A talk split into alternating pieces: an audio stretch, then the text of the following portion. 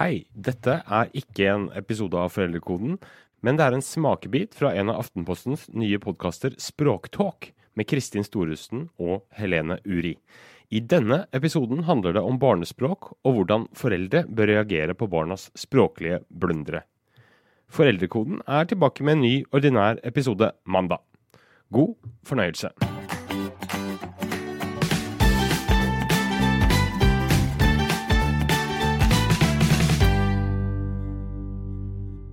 Kristin, begge mine barn de eh, sa én met og én lak i stedet for laken og meter da de var små. Hvorfor gjorde de det, tror du?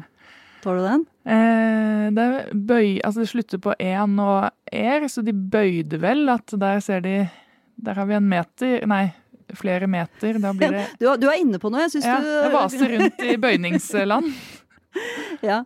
Eh, ikke sant? Man hører én bak baken. Altså må det hete én lak laken, tenkte Ja. mine barn. Og det heter én katt katter. Og det er klart når barna hører da at det heter to meter, så siden det heter én katt, så må det hete da én met. Egentlig var jo barnespråk noe vi snakket om i forrige uke, men da snakket vi mest om barna. Denne uken tenkte vi å snakke om de voksne.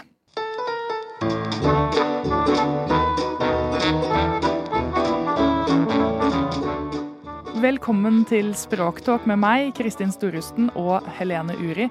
Og hvordan har det gikk det egentlig med småfrøknene Uri? Lærte de seg å snakke til slutt? Går de rundt og sier en met, en lak? Du, nå er de i 20-årene, og jeg kan berolige deg med at begge to nå har fått med seg at det heter én meter og ett laken. Så Var det det- gikk fint. Var det fordi du sprang etter dem med liksom spanskrør og slo dem hver gang de gjorde feil? Hvordan, eh, hvordan vil du si du var som på en måte språklig mor? Jeg tror eh, ikke at jeg rettet noe særlig på dem. Jeg regner med at her lo jeg godt da de brukte akkurat de formene her. Og det kan man godt eh, gjøre, selvfølgelig. Det viktige er jo ikke ødelegge språkgleden og språkentusiasmen som man finner eh, hos barna. Og det du egentlig spør om, er jo om vi skal rette på små barn når de sier disse feilene da, som vi snakket om i forrige episode.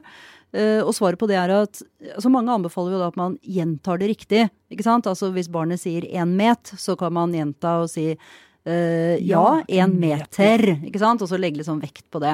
Men uh, jeg tror egentlig det, det ikke spiller noen rolle. De får det med seg etter hvert uansett.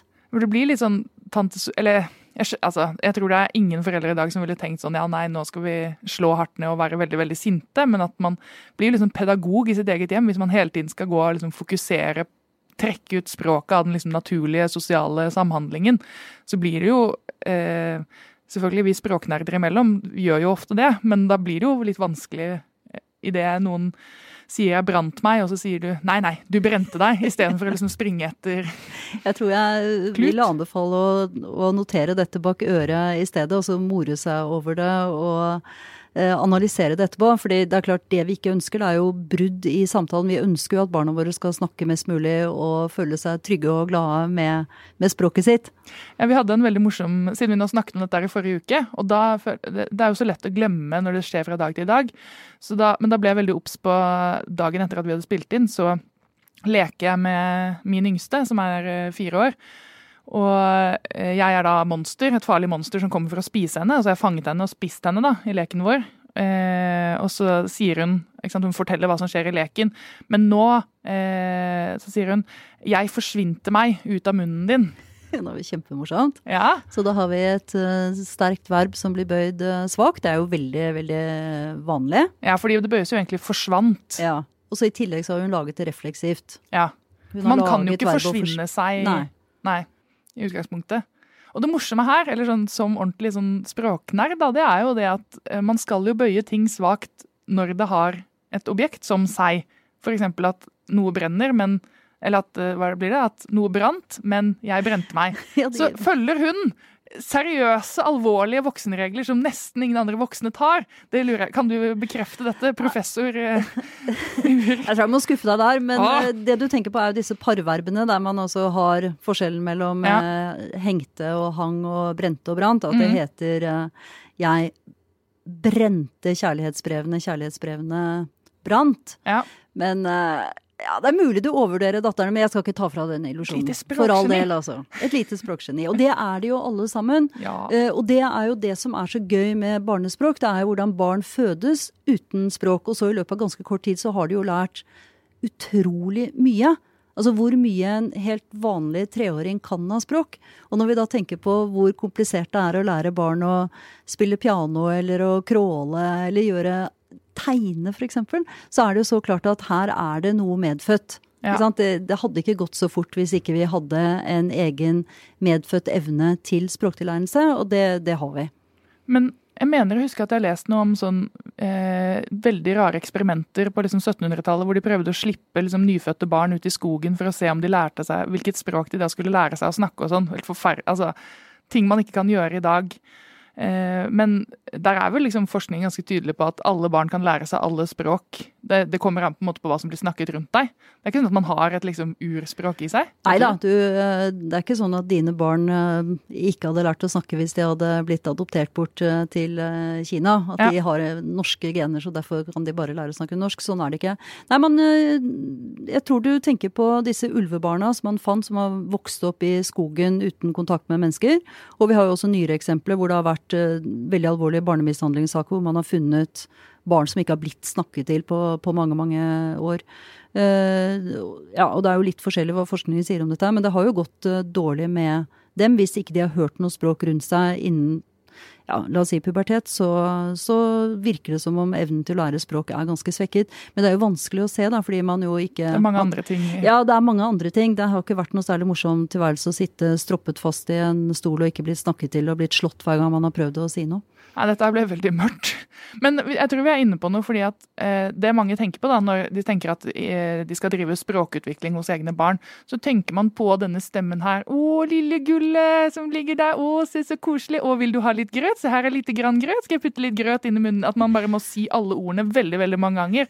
Og med litt sånn stemme sånn som dette her. Ja, Hva? Har du snakket sånn til dine barn? Ja, det har jeg helt sikkert. Ja, jeg tror nemlig at det, de fleste av oss gjør nok det. Ja, vi legger en- om eh, Ja, vi har eh, høyere toneleie, og vi gjentar mange ord, og vi bruker ofte litt sånn forenklende ord, ikke sant. Istedenfor fugl så sier man pip, pip, og ofte så kutter du pronomen.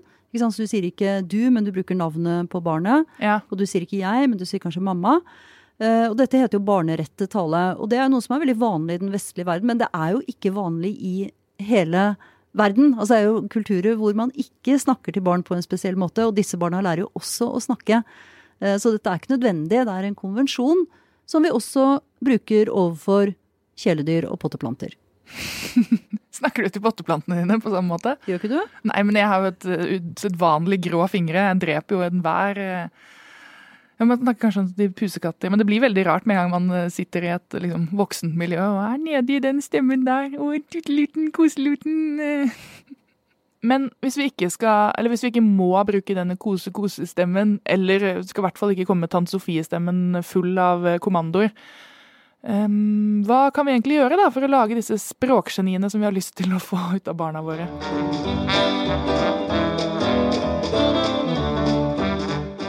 Jeg er jo da småbarnsmor, og eh, det er jo mange ting jeg er veldig opptatt av når det gjelder oppdragelse og barn og sånn, men en ting er jo at jeg syns jo at det hadde vært fint om de ble liksom språksterke språkgeni, at de kan si fra om ting er viktige, at de kan uttrykke seg, skrive store ting når de blir store. Og her er jo en heldig situasjon, for jeg sitter jo sammen med O. Høyvelbårne, professor og doktor lingvistika. Eh, Det heter det sikkert ikke. Nei, egentlig ikke. Nei, men doktor i lingvistikk. Og hvordan kan jeg få språkgenier? Doktor Uri.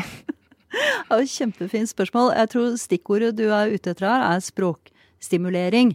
Ja. Altså, La oss bare fastslå at dine barn, i likhet med mine barn, de kommer til å vokse opp, og de vil kunne gjøre alt det du sa nå. ikke sant? De vil kunne uttrykke seg i det vide og det brede. De vil kunne protestere, de vil kunne rope ut, de vil kunne komme med kjærlighetserklæring. Alt dette det vil de lære av seg selv. Men likevel så er det jo forskjell på, på barn. Og det er blant annet, vi vet jo at språket er en suksessfaktor for i skolen, f.eks. Uh, og det å kunne henge med på lange, kompliserte tekster. Følge en rød, tråd når man skal lese om et, et fag, altså lese faglige tekster.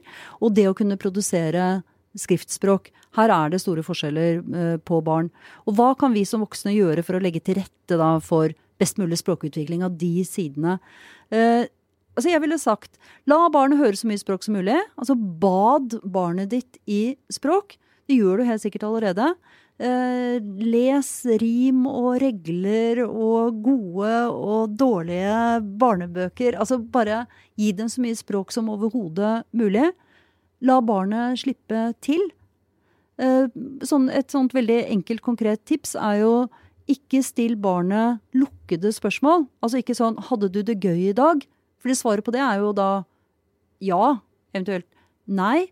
Men prøv heller å stille åpne spørsmål. Hva gjorde dere? Hvem var der? Hvor var dere? Eh, hvordan var det? Og lytt og vær interessert. Altså, det er jo ting eh, jeg tror mange av foreldre, altså mange foreldre gjør helt av seg selv. Det er jo egentlig parforholdtips også, er det ikke det? At man, det er parforholdtips også. Man burde stilt det til partneren sin også. Åpne, interesserte spørsmål. ja, helt sant. Og gjerne lese litt poesi også for partneren. Jeg tror det kan være veldig bra for parforholdet. Så lytt, vær interessert, les høyt. Og la barnet få trening i å fortelle. Ikke sant? La barnet ja. få trening i å holde på en lang narrativ. Prøve å holde den tråden i en fortelling. Eh, bruk gjerne ord som barnet ikke forstår, bare ikke for mange av dem, sånn at barnet får noe å strekke seg etter. Ikke vær så redd for å bruke ord. Som vi snakket om i sted med pip-pip og vov-vov.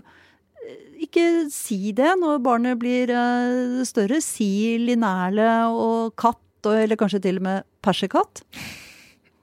Ja, Da må de få seg noen andre foreldre som kan mer om biologi enn meg. Men det, det kan de få andre steder. Men jeg, jeg tenker at eh, kanskje man tenker på språk litt sånn veldig sånn pedagogisk. Og da blir det liksom fort sånn skulle rette på eller gjøre sånn. Men som forelder så er man jo ikke pedagog heller. Og det tenker jeg på at noe av problemet også i skolen Det er også veldig sånn at de skal lære, de skal lese disse bøk, altså de bøkene de får hjem i første klasse som de skal lære å lese av. som er sånn, Det er jo så uinspirerende for, fortelling i utgangspunktet. Mens i hvert fall der jeg lærte å lese, det var jo på biblioteket, hvor jeg kunne gå selv og plukke ut de bøkene jeg hadde lyst til å lese. Og ikke fordi at noen voksne skulle si ja, nei, nå, nå var du veldig flink til å lese, eller dette var uh, bra gjenfortalt, men det å bare kunne lese fordi jeg hadde lyst til det, og det å følge de tingene der. Og der tror jeg kanskje at vi er litt sånn redde som foreldre i dag, fordi det er liksom så mange ting som kan gå feil, at man blir så redd for at uh, man skal gjøre ting på en riktig eller ordentlig måte, istedenfor å tenke heller glede og og sånn. Det er jo det vi har vært inne på, å snakke om eh, å kose seg med de feilene, eller de morsomme tingene de gjør. Men også når man skal da bade i språk, så er det sånn nå skal jeg plukke opp denne boken her. Det er ikke sant, en kjempepopulær bok som er sånn 'Denne skal få barna til å sove', en sånn kaninhistorie. Og jeg er bare sånn snork, snorket i Eller ikke på den gode på måten. Deg, hm? Den virker på deg? Ja, men jeg har faktisk ikke lest den, for jeg er bare sånn pedagogiske barnebøker. Altså det, ja. Men det er jo egentlig en annen uh, samtale. Men jeg tenker at det handler mye om glede og eh, å vise interesse, da. Sånn som du er inne på. Det handler om glede, og det handler om å la barnet bygge ut. Og oppmuntre barnet til å bygge ut. Eh, la oss si at eh, en av dine døtre kommer hjem og sier at jeg, jeg så en hund i dag. Prøv da å, å spørre ja, hva slags hund, hvordan så den ut, var den stor, var den liten, hvilken farge hadde den, var den lei seg kanskje? Og så Kanskje blir det en sånn bitte liten historie. Vi trenger jo gode forfattere også i fremtiden. Eh, og hvis man har tilgang på andre språk, og det har jo veldig mange i barnehage, i skolen, hjemme, hva heter da hun på andre språk? Ja. For det er med på å bygge den metaspråklige bevisstheten, nemlig at det er forskjell på formen på et ord og innholdet i et ord.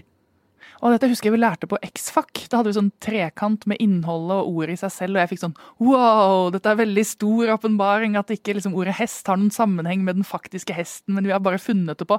Da var jeg, ja, da var jeg jo 20, da. Men wow! stor åpenbaring. Ja, eh, fordi at de fleste barn vil jo insistere på at tog er et lengre ord enn lokomotiv.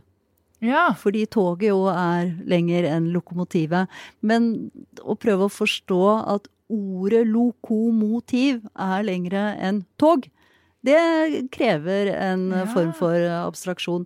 Og det vil jo hjelpe barnet etterpå, når, når, det skal lære å lese og skrive. Ja, der hadde vi en uh, vi har litt sånn familie i Tyskland. og da, bare, Apropos liksom stimulans og sånn. Jeg var veldig opptatt av at liksom, særlig hun største, at hun skal snakke litt tysk og sånn. Og det fikk jo da hun, eh, som da var tre, med seg veldig. Så sitter hun eh, Så satt vi på, eh, på S-banen, og så sier hun Nå sitter vi på T-banen. Som jeg tror var altså fordi at på tysk har jo en del lyder mye mer enn vi har på norsk. Så da tenkte hun at nå Og da, snakket, da bekreftet hun nå snakket jeg tysk. Ja. Vi sitter på T-banen.